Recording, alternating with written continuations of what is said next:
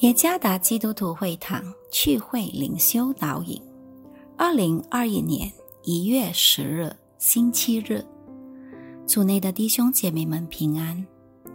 今天的灵修导引，我们将会借着圣经马太福音第六章二十五到三十四节来思想今天的主题：以神国为优先。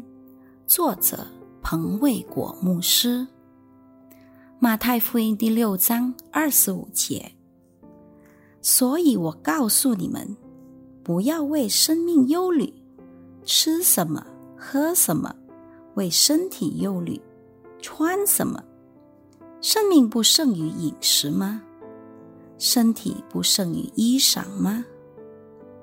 你们看那天上的飞鸟，也不种，也不收，也不继续在仓里。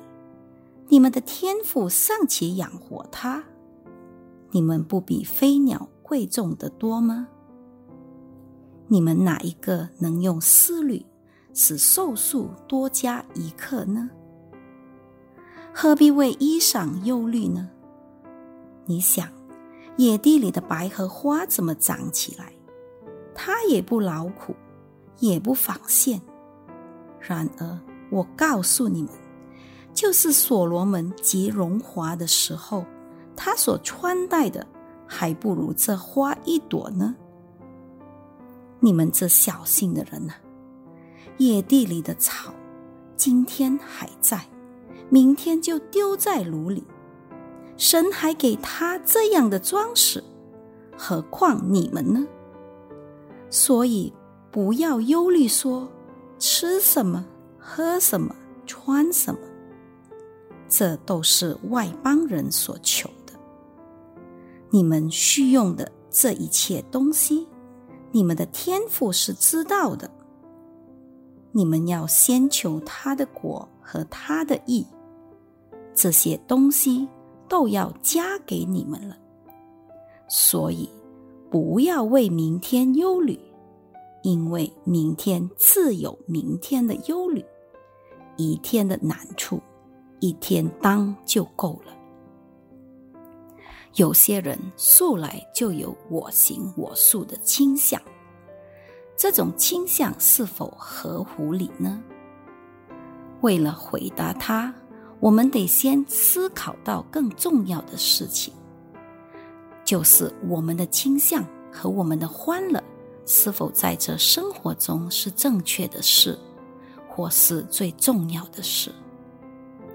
我们应当学习如何根据生活正确的优先次序来行动。这整个学习的过程中，都需要守纪律和坚持不懈。我们今天所要思考的，都是以主耶稣生活与侍奉的优先次序为榜样。最重要的是要先求他的果和他的义。第三十三节。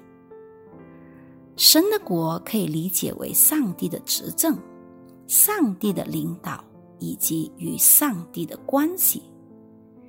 耶稣常常先求神的国和他的意，他常常以执政、领导、旨意与上帝的关系为至关重要以及最为优先。耶稣基督教导说。天父是知道他孩子们的一切需用、忧虑和惧怕的。耶稣不曾否认过这些现实。耶稣基督教导他们不要持续的活在忧虑中。当面对苦难时，耶稣要他的门徒们先求他的国为优先，就好像耶稣与天父所建立的关系那样。结果，无论耶稣遭遇到什么难处，他都能克服一切。耶稣从不活在忧虑中，唯有全然交托于天父。你们的生活又是如何呢？你们是否正处在忧虑中呢？倘若是的话，让我们重新设定什么是生活的优先。让我们先与上帝建立好关系。我们应当以他在我们一生中的领导、旨意和计划为最优先。相信耶稣的应许吧，就是天父能满足我们所需的一切。第三十三节，全然信靠仰望天父吧，把生活所遇到的一切重担，就是他所应许的难处。都全然交托他吧。第三十四节，与天父建立好关系为优先的生活，能使我们克服一切的忧虑。愿上帝赐福于大家。